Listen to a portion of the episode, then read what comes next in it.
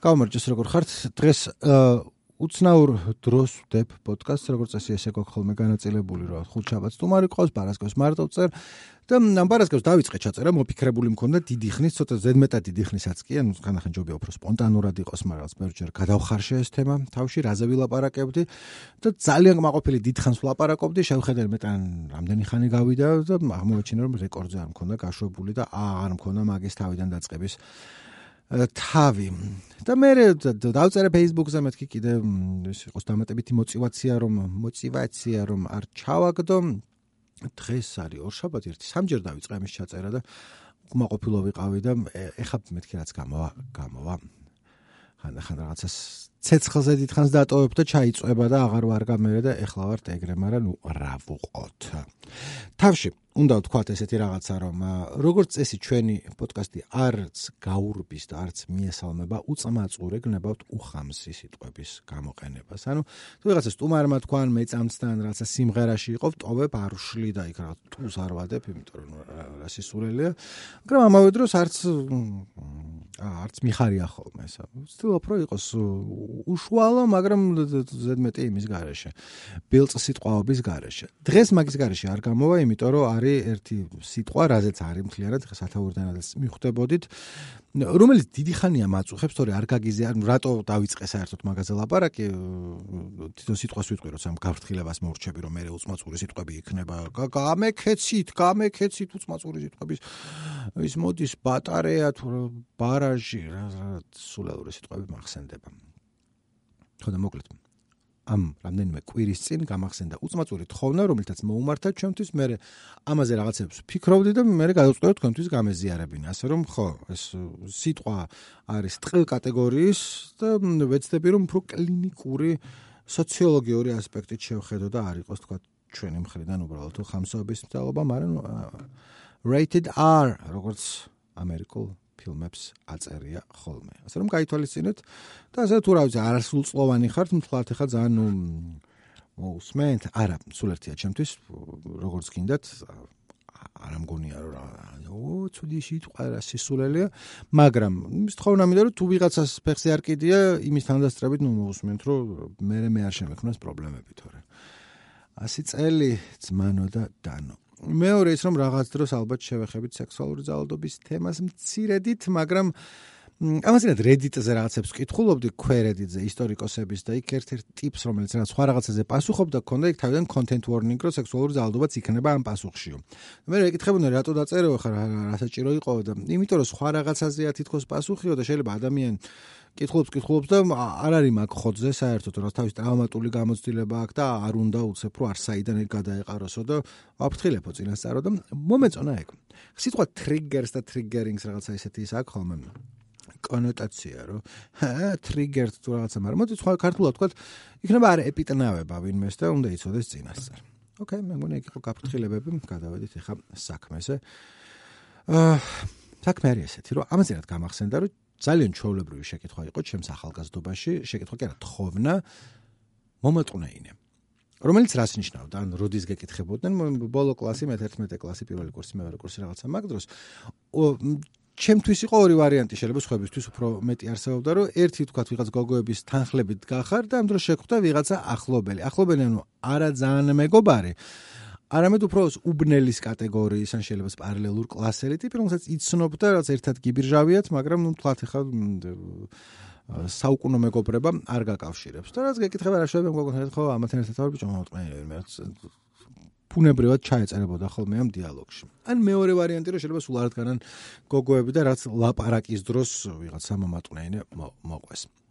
რაც უცებ გამახსენდა ყველაზე უფრო რამაც დამაფიქრა და რის გამოც გადავწყვიტე რომ მე ეს მეკვლია ხა ესეთი ნათქვამია მაგრამ ნუ მაგაზე ვილაპარაკებ ერთი ნახევარი საათი რა რომ რამდენიმე შეკითხვა მაქვს რომ ერთი რაუცნაური თხოვნაა მეორე საიდან მოდის და აი რატო და მოდი დავიწყოთ აი უცნაურობის განხილვა. პირველი ის რომ აი თარგმნა რო სცადო რაღაც სხვა ენაზე. არ ვიცი ხა თურქული არ ვიცი მე ან სომხური ან ბერძნული რო შეიძლება იქ რაღაცნაირად ითარგმნოს, მაგრამ ნუ ინგლისური ვის და რუსული მეტნაკლებად ნორმალურად და ვერ წარმომიდგენია, რომ სამი სიტყვაზე ნაკლების გამოყენებით თარგმნო და ისიც კონტექსტი ნახევარი დაკარგული იქნება ამ უცნაური სამპირიანი ზმნის, იმიტომ რომ იგულისხმება, რომ აქ აქტიური როლი მე ვისაც თხოვენ, იმან უნდა შევასრულო. ანუ უნდა მივიდე ვიღაცას და უთხრა მომატყნა ინენიშნავს არა ის რომ გამაცანი ან დამალაპარაკე ან რაც მასთან ერთად კამპანიაში მოხვდე და მე მე ვიცი. არა, მე უნდა ვქნა ეგა. რომელიც როგორ შეიძლება რომ გავაკეთო? ანუ ანუ რა უნდა ვქნა წარმოვიდგინე რომ ვეუბნები რომ ნინო მოდი აქ ნინო აი ხედავ თორნიკეს. ეს თორნიკე არის ჩემი უბნელი და შენ ამაღამასთან დაწვევი. ვის არასდროს არავისთან ეგეთი ურთიერთობა არც მე მქონია და არც არავის არ ქონია, ანუ ვიღაცებს ისტორიაში ქონიათ, მაგრამ ნუ შენ არ ქონია და არც არავის არ იცნობ, მე მგონი თუ რაღაცა გამონაკლისი პიროვნება არ არის. ხო ხდები რას გულისხმობ რა? ანუ ვიღაცებს შეუძლიათ რომ ესე გააკეთო, რომ დამატებითი შეკითხვები არ გაჩნდეს, თუნდაც გალისხმდა რომ რატო უნდა გავაკეთო ეს, რა რატო ფეტიში გაქვს? არა. აბა რატო ვალი გვაქვს ვიღაცის რა? არა. ძალიან ახლობე. არა, უბრალოდ მთხოვა და რა ვიცი, მიდი მიდი მოკლედ ნუ მეკითხები თორნიკესთან. თორნიკესთან საწოლში ახლავე, ლოგინი უნდა გქონდეს მასთან. ხო? ხო და ვიღაცები არიან, ვისაც შეუძლიათ და ეს ვიღაცები არიან რამდენიმე კატეგორიის ხალხი, ერთი ვიღაცა PIMP ამერიკული ფილმიდან ცილინდრიანი რაღაც ოქროსკბილიანი პიმპები რო ჩითავენ ხოლმე ან შეიძლება იყოს მაგის საპირისპირო გარეგნობის ანუ ეს ხარ როგორც წესი უბრალოდ ფილმებში შავკანიანი უცნაური სახელის მქონე ტიპები არიან ხოლმე რომელსაც ხან სნუპდოგი თამაშობს ხან ვიღაცა და ამის გარეგნობის საწინააღმდეგო სპექტრზე არის ვინმე ჩარლი მენსონის ტიპის ვიღაცა რა ჰიპების კომუნის დირექტორი რომელსაც შეუძლია ვაცებს რაღაცები უთხრას და დაუჯერებენ. ან რატომ აი მაინც ჰიპების? ნებისმიერი სექტის. ხო და მე ანუ არც შენ და არც ხარავინ მაგრამ მეც ახლოსაც არ არ ყოფ ჯერტი რატომ უნდა მკითხო? ანუ არავინ არ იფიქრებდა რომ მე ვარ მაგ პოზიციაში იმიტომ რომ პირველ მეორე მესამე კურსი ეხაც მაგარი ნერდი ვარ მაგრამ მაშინ კიდე უფრო ვიყავი აი წარმოიდგინეთ მე-9 მე-10 კლასში ვიყავი, როდესაც ჩემ მეგობარ და კლასელ დიმასთან ერთად სკოლიდან მოვდიოდით, გზაში მოვსეირნობდით და ერთმანეთს უსვამდით შეკითხვებს ოქროს კერპიდან და 12-ის კამიდან, ილფის და პეტროვის უკვდავი ნაწარმოებებიდან, ანუ ეს როგორ ნერდები ვიყავით, ხო, ხო, მოვსეირნობდით და უცებ ერთი მეორეს ეკითხება, რომ ჩემ ბულ პაკრიტ ზამოკ და უნდა უპასუხო ამაზე და პასუხი არის ერთი რომ ნიტო რჟავჩინე, ნიტო გრიჩნიოვაი კაში. ეგ წინან არის ხადი არა? რა ერქვა გაზეთს ასე შემდეგ. სონცეს ხოზით ზახოდით. რატომ მოვიყვანე ეს მაგალითი რომ ხო შეიძლება რომ ეგეთი ნერდი იყო, მაგრამ თან ჩალი ჩაფინფი იყო, მაგრამ ნუ ჩემი გამჭიროებოდა ჯერ ერთი, მაგრამ მეორე ხა მაგას რო გავყევი, ჩემი მაგალითი რატომ მოიყვანე, არ ფშუაში არ არის, არც არავინ არ იყო ეგრე რა. ვის რაც რატო არის რომ საერთოდ რატო კითხულობდნენ? რანაირად შეიძლება ადამიანს უთხრა, რომ მომატყნაინე ვინმე და მე ელოდე რომ რამე მოხდება აქედან, იმიტომ რომ ჩემი ის იყო იდეა, ანუ ჩემი დასკვნა ამას წინათ რო ვიფიქრე ამაზე, რომ ეს არასდროს არ მომხდა რამე თქი ალბათ.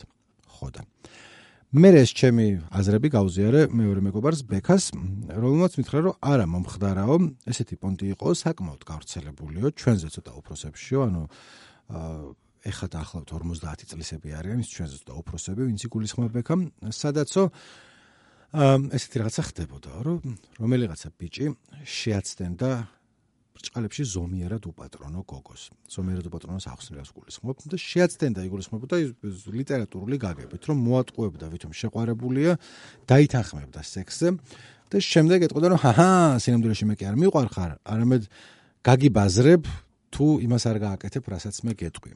და რასაც მე გეტყვი არის რომ შენ წახალხა და თორნიკესთან დაწვევი, იმიტომ რომ აი ეგრე ვშვები.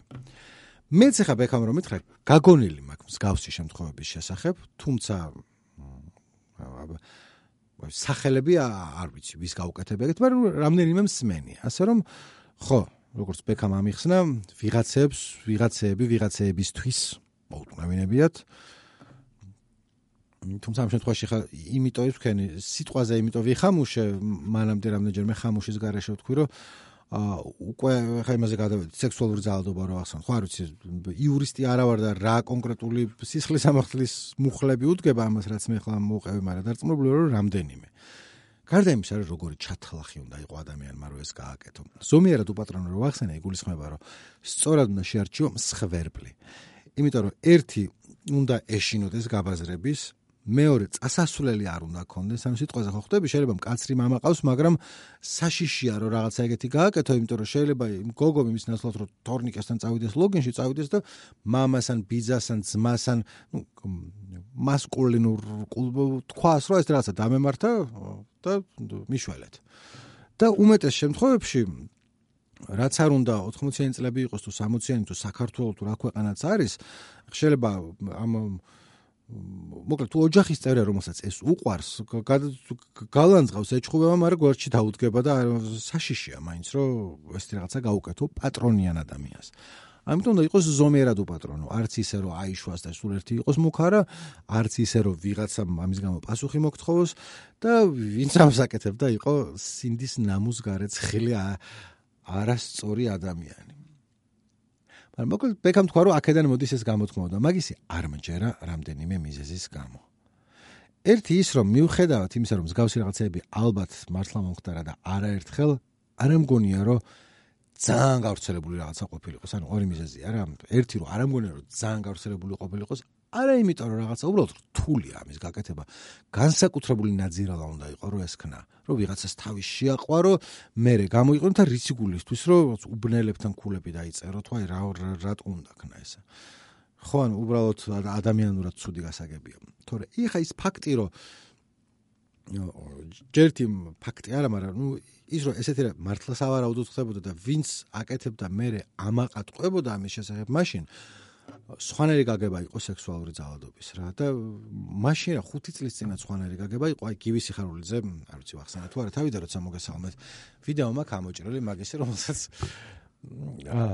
დრო დრო უყურებ ხოლმე იმიტომ რომ 2000 აი 3 წლის წინანდელი ვიდეოა რა ციცრუის დეტექტორი არის იმედზე გადაცემა სადაც თუმრად იყო მსახიობი გივი სიხარულიძე სადაც ყובה მისი მეგობ ციცრუის დეტექტორებს გინახავთ თუ არა არა აქვს მნიშვნელობა მეგობარი ყავს იქ მიყვანილი, რომელიც ყובה ისტორიას კივის სიხარულძეზე, ანუ როგორი თქვათ ლოველასი იყო და როგორ რაღაცებს შეებოდა, ისთანაც ყובה თავის ისტორიებს და მე ეხავე ჩავრთავ, იმიტომ რომ ყובה ისტორიებს, ყובה ისტორიებს რამდენჯერ უნდა ვთქვა. ბევრი ისტორია იცით ასეთი ბატონო ირაკლი? არა, აქ რაღაც ისტორიები საინტერესო. ერთ э, კალბატოს э, მოწოდა ძალიან და ესეც э, ხდება აფხაზეთში. და გივი რაღაც არაც ყურადღებას არც იყურება. ძოლის როლში არის გივი დანიშნული და ნუ გადაარი ეს ხალი რაც ლიქიდან მოუარა აკიდარისა და ბოლოს ბოლოს ბოლოს ფინალი ესე არის რომ გივი ზის თავის რულთან და ხალბატონს რაღაცას კუჩი გეტყვი მოსკოვიდან იყო მინისტრის სოლის ჩამოსული. და თავი რო შეყო ქალბატონმა აუწია ფანჯარას გივი და გაჭედა თავი. დანარჩენი ნაწილი გარევია თარჩა გამოვიდა პატიცებული და ცა პატრი ქალბატონს აი ესეთი ისტორია. ამას სექსუალური აქტი იგულისხმება რა თქვა ეს ალადობა ხომ არისო ბატონო? არა ბატონო ქალს თუ არ უნდა ვერაფერს ვერ გინდა კისერი გავაჩქირე და გინდა ფეხები. ხო არ ვიცი ეს ნახი კონდა თუ არა არ არის სიგიჟე. ჯერ ერთი ტიპი ყובה როგორ გააუპატიურა გივის სიხარულიძემ ქალი, თან ახსნის იმით რომ იმ ქალს ეგუნდოდაო. მაგაში საერთოდ არა. ამ ამობიდან არ იკითხება რომ იმ ქალს საერთოდ რამე უნდოდა, გარდა იმისა რომ გივის სიხარულიძემ ქალი გააუპატიურა. შეკითხვა წამყვანის რომ ეს შემთხვევით ძალადობა ხო არ იყო? მაგაზე პასუხი მაქვს ცალსახა კიდევ ერთხელ არა ვარ იურისტი მაგრამ თუ ეგ გაუპატიურება არ არის როცა თავს გაუჭხერ ქალს და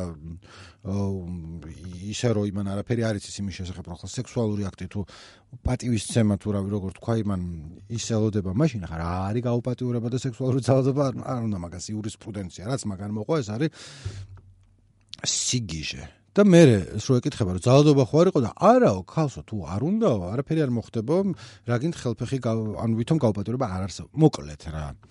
თავიდან რომ ვახსენე რომ სექსუალური ძალადობა შეიძლება ვახსენო მეთქი ეს გადიოდა ოღონდ პრაიმ ტაიმზე იმედზე არა რაღაცა შარშანწინის წინდელი არის. 2018 წელია. ეხანდელი ამბავია და არა მარტო ჯერ რო ტიპმა გააკეთა და მე რომ ამას ყვებიან როგორც კარგ ამბავს ძველი ამბავია აფხაზეთში მოსკოვიდან ჩასული ვიღაცა ამას წლებია სუფრაზე ყვებიან ხოლმე ტიპები რომ დალევენ ო გივი სიხარული და მე რაღაცა გააკეთე ო თავი გაუჭ ვახ! და მე ვერც ხვდება ვერც ერთი ამ ორიდან რომ ხმამაღლა სალაპარაკო ტელევიზორში მოსაყოლი არ არის. აა იცი როგორ ისა რო უსმენ ხოლმე არ არ მეცინებ ანუ შიგნიდან ბნელი სიცილი რო გესმის ხოლმე აა დაი რა რაღაც რა რანაირი ეს თან ახლა ის შეიცვალა არ არის რაღაც როლები შეიცვალა და უფრო გასაგები გახდა რაღაცები ცხოვრებაში ტიპი რასაც ყვება არის ჩაოლებრივი გაუპატიურება და ყვება როგორც საამაყო რაღაცას თან იმას ურთავს რომ ის გოგო თავიდან აქეთ მიუდგა აქეთ საიდან აქეთ იქით მიუდგა? რა ვიცით მიუდგა თუ არა გარდა იმისა რომ გივისი ხარულზე უტყვად თავი გაუჭედა ჯერ რა ის არის? აა თავიდან მეწება ხოლმე ყოველ ჯერზე რომ რა ამბავია საერთოდ. რატომ მოყევი ეს? არა რატომ მოყევი კი არა და ესეც რატომ მქონდა გამზადებული რომ ხაზი გამესვა რომ ეს რაღაცები ტიპები ყვებოდნენ ხოლმე ჩვეულებრივად ისეთ რაღაცეებს რაც ჩემსაც მოუყოლიათ ანუ არა ესეთი გივისი ხარულის ისტორია არის რომ ვიღაც ქალიში აცდინეს და სხვებთან მე აიძულებდნენ რომ სექსი ქონოდა მაგრამ პრინციპში რაღაცა ისტორიები აქვს მოსმენილი ზოგი უბნელზე ზოგი უფრო ახლობელზე რომელიც 20-25 წლის წინ მაქვს მოსმენილი და ეხა რომ ვაანალიზებ უბრალოდ ის არის რა დანაშაულებზეა ლაპარაკი აა ასე რომ ხო, რაც ბექამ თქვა, რომ თავის დროზე შეიძლება და ყოფილიყო ეგეთი პონტი, რომ ტიპები სიამაყით დადიოდნენ და ამბობდნენ, რომ გინდა ვინმესთან საქსი კონდეს, აგერ ის ამყავს. აა გამოჭერილი ნინოს ვიტყვი კიდევ ერთხელ, იმიტომ რომ გავრცელებული სახელია. შეგიძლია და რაღაცა ერთ შემთხვევაში იყო ჯგუფური გაუპატიურების ანუ ვიღაც რამდენიმე კაცი მოკლედ რა მთელი სიგიჟე ამით მორჩი ამ სექსუალურ ძალადობაზე ლაპარაკი იმიტომ რომ ეს ანუ ბექას ვერსია იყო ესეთი რომ როცა ვიღაცა გეკითხება ამ მომაკნეინებ გულისხმობ რომ მსგავს რაღაცა იმაში ხო არ ახარ ამბავში და ხო არ ჩამსვამდი. მაგრამ მაგისი არ მჯერა ამდენიმე მიზეზის გამო. პირველი როგორც უკვე ვახსენე არის ის რომ ძართულია რომ ეს გააკეთო ადამიანურად უნდა იყოს შეგინდა მკვდარი და შავი და цаრიელი და უბრალოდ ძალიან ცუდი ადამიანი უნდა იყო და უმეტესობა რაც არ უნდა ცუდ რაღაცებს აკეთებდნენ სხვა დონის კიდე პროჭობა ანუ აი რაღაცა ეპოქალური გამომპალი უნდა იყოს შიგნით და მეორე ახლა ვინ მკითხავ და მე რომ ეგეთი რაღაცა ის მაქვს თუ არა მოწყობილი ხო იცოდნენ რომ არ მქონდა არც ეგეთი და არც არანაირი. არც მე და არც სხვას ასე რომ ალბათ რაღაც ფესვები რეალობაში შეიძლება ეს კონდეს, მაგრამ აი გავრცელებული შეკითხვა, რომელიც ათასობით ახალგაზრდისთვის დაუსვამს სხვა ათასობით ახალგაზრდას, არ ამგონია რომ მაინდა-მაინც ეგი გულისხმებოდა რომ რაღაცა ჯგუფურ ამბავში ჩამსვამ თუ არა. არისო ეგ. რაღაც სხვაში უნდა იყოს საქმე. მაშ რაში? მაშ რაში სწორად თქვი, მე მგონი კი. მეორე მომენტი არის ნახე, რომ ცოტა არის რაღაცნაირად ესეთი შეკითხვაა რა. ცუდი სუნიასტის. მთლად ბოლომდე გულწრფელი არ არის. საქმე რაშია რა. აა ეს ყოჩობა და როცა განსაკუთრებით მაგასაკში ხარ და დატოლება კუტუების და რაღაცა ვინ უფრო მაგარია არის ხოლმე უფრო ეხაც არის ხოლმე მაგრამ ნუ უფრო გამწოვებულია ხოლმე და უფრო მეტ ადამიანს იცნობ და ბევრ წრეში ტრიალებ ხოლმე და სულ არის ეს პონტი როდესაც გოგოებს თავისი რაღაცა ის აქვს და ბიჭებს აქვს რომ ვინ უფრო ხუმრობით მეორეზე უფრო წინ დააყენებს თავს. ანუ აი როგორ ახსოვს გულის, მოკლედ თქვა ახლობლები ხარ და ვიღაც შეიძლება იყოს ახლო მეგობარი, მაგრამ სავარაუდოდ უფრო ისეთ პონჩი მეგობ. მე ახლობლებში გადის, მაგრამ თქვა ჩენი ის არ არის. მე საიდუმლე გულის. ჩენი მეგობარია. თითქოს მე საიდუმლეზე ყოველთვის უნდა წაიმღერო ხოლმე ეგ. ეს კაც უფრაზე ხარ და გეუბნება რომ ხო არ დათვერი უკვე რა ვიცი ცოტა დავთვერი კი. ბიჭო მაგრამ შურს თქვენი მე ვერ თრები ვერაფრით ან ხელუკუღმა ხო კომპლიმენტი ქვია ამას ინგლისურად backhanded compliment რომ ვითომ კაი რაღაცას გეუბნება რომ შურს შენიო. სინამდვილეში ვერ ხსიღებს მაშინ ვერ რომ მე ეგრევე ვერ თრები და შენ ხარ ეს ადვილად რომ დათრები და მე ვერატო აი რაღაც ეგეთი დონის კბენები და ამბები არის ხოლმე ძალიან გავრცელებულე მამაკაცებში და აი რაღაცა მაგისა სუნისავით აქვს ამ იმას.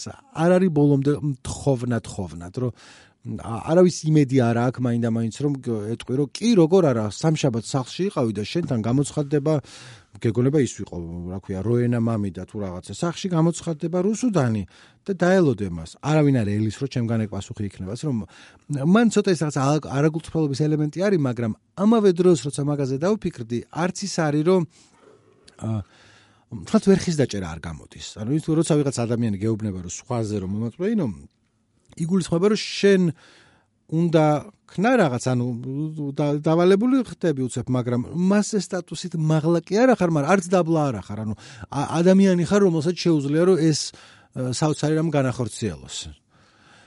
და ანუ არ გამოდის რომ შენზე მაღლა არის. არ გამოდის ეგ. ასე შეიძლება გაგიჩნდა შეკითხვა რომ დამცინავად ხო არ გეკითხებოდნენ ნერდი რო იყავი და არა ანუ კი დამცინავადაც უკითხავთ, მაგრამ საქმე იმაშია, რომ მიუხედავად მოკლედ დამცინის თუ არა ადამიანი ხვდები მაგას დებილი არა ვარ. და დამცინავი ტონი მიგზნია ცხოვრებაში, ჩემდა მიმომართული და თან მით უმეტეს თუ გავითვალისწინებთ, რომ ძალიან მასშტაბურად გავრცელებული შეკითხვა იყო ეს და არ იყო მარტო ჩემს მიმართ, მოკლედ ისმებოდა შეკითხვა დაცინვის გარეშეც. ხო და სად ვიყავი ახლა? ის რომ ცუდი სუნი დასდევს ცოტათი ამ შეკითხვას ამ თლად ბოლომდე გულწრფელი არ არის მაგრამ ვერხის დაჭერაც არ გამოდის იმ მეორე პარტიის მხრიდან. რა რა ვერხი გამოდის რომ მომაწყენ მე უკეთესი ტიპი არა ვარ ვინც სვამ შეკითხვას ვიდრე ის ვისაც უსხამან შეკითხვას თუ თხოვნას თუ რა ვიცი რაც ქვია. მაგრამ მე მგონი რომ ახლოს ავართ რაღაცა საბოლოო სურათის მისაღებად. საქმე იმაშია რომ აი მგონია მე რომ ეგ არის დიდწილად მაგ კატეგორიის შეკითხვა, ანუ არა ვერხის დასაჭერი, არამედ ამ შემთხვევაში პირიქით, ცოტა გასასრული, ცოტა პონტში ჩამჯმელი, მოდი ასე ვიტყვი. იმიტომ რომ ნახე რა ხდება, თქვა თორე პირველ კურსზე ვდგევარ ხუთ გოგოსთან ერთად სიტყვაზე ვიღაცეებთან და რაღაცა მოდის და მომაწყნე მეუბნება. იმან ხო იცის რა ხა მე არა ვარ არც მე და ვისაც უსვამს შეკითხვას, რა ჩემ თავზე კი არ ვლაპარაკობ, მაგრამ ნებისმიერ ახალგაზრდაზე, მაგ ახალგაზრდა მამაკაცზე, მაგ სიტუაციაში რომ არც ერთთან ან რომელიღაცა მომწონს, ან რომელიღაცასთან რამე მინდა, ან მეგობრები არიან უბრალოდ, ან მოკლედ მისწორდება რა გოგოებთან დგომა და ის მოდის და თან პასუხს ვერ გასცემ იმ დროის აა სიტყვა ვერ შევარჩიე სწორი, მაგრამ მენტალიტეტი არ მინდოდა მე თქვა იმ დროის ამბავში ვიტყვი რაც кай სიტყვა მქონდა თავში და ვერ მოვიფიქრე ანუ ეგ არის რაღაცნაირად დაკავშირებული ამ ქურდულ მენტალიტეტთან რომ ხალი ყველა სულ ერთი ან დედა უნდა იყოს ან ბოზი აი რაღაცა მაგასთან არის კავშირში დარწმუნებული ვარ ხარ 100%-ით მოცოდნე მაგისი მაგრამ ეჭვიც არ მეპარება რომ ეგრეა ასე რომ იგულისხმება რომ პასუხად რაღაც ცუც ვერ იყოს რა იყოს შეჭმა ვიკითხე რომ თუ შეყარებულია რომელიღაცა თქვი და თუ არ არის რა პრობლემაა რომ დავსვი შეკითხვა მაგრამ სინამდვილეში პრობლემა არის იმიტომ რომ უნდა რომ ას გოგოებთან ერთად გახარ და თვითონ არ დგას გოგოებთან ერთად და მანდ ეს გააკეთოს. და ასევე რატო პასუხს ვერ გასცემდი რომ კარგა დიდი ვიყავი როდესაც მივხვდი რომ აფშე არ იყო აუცილებელი აა მაგ ანგარიშის გაწევა მაკპონჩი. ხდებიან დიდი ხის განმავლობაში ვიცოდი რომ ქურდული გაგება კი არ მქონდა ძველი ბიჭი ვიყავი ან კაი ბიჭი ჩმორი ვიყავი ჩვეულებრივი, მაგრამ მე გონდა რომ ყველა რაღაც ჩმორი არ ვიყავი ჩვეულებრივი, მაგრამ ნუ როგორ გითხრათ რა არც კაი ბიჭებში არ გავდიოდი.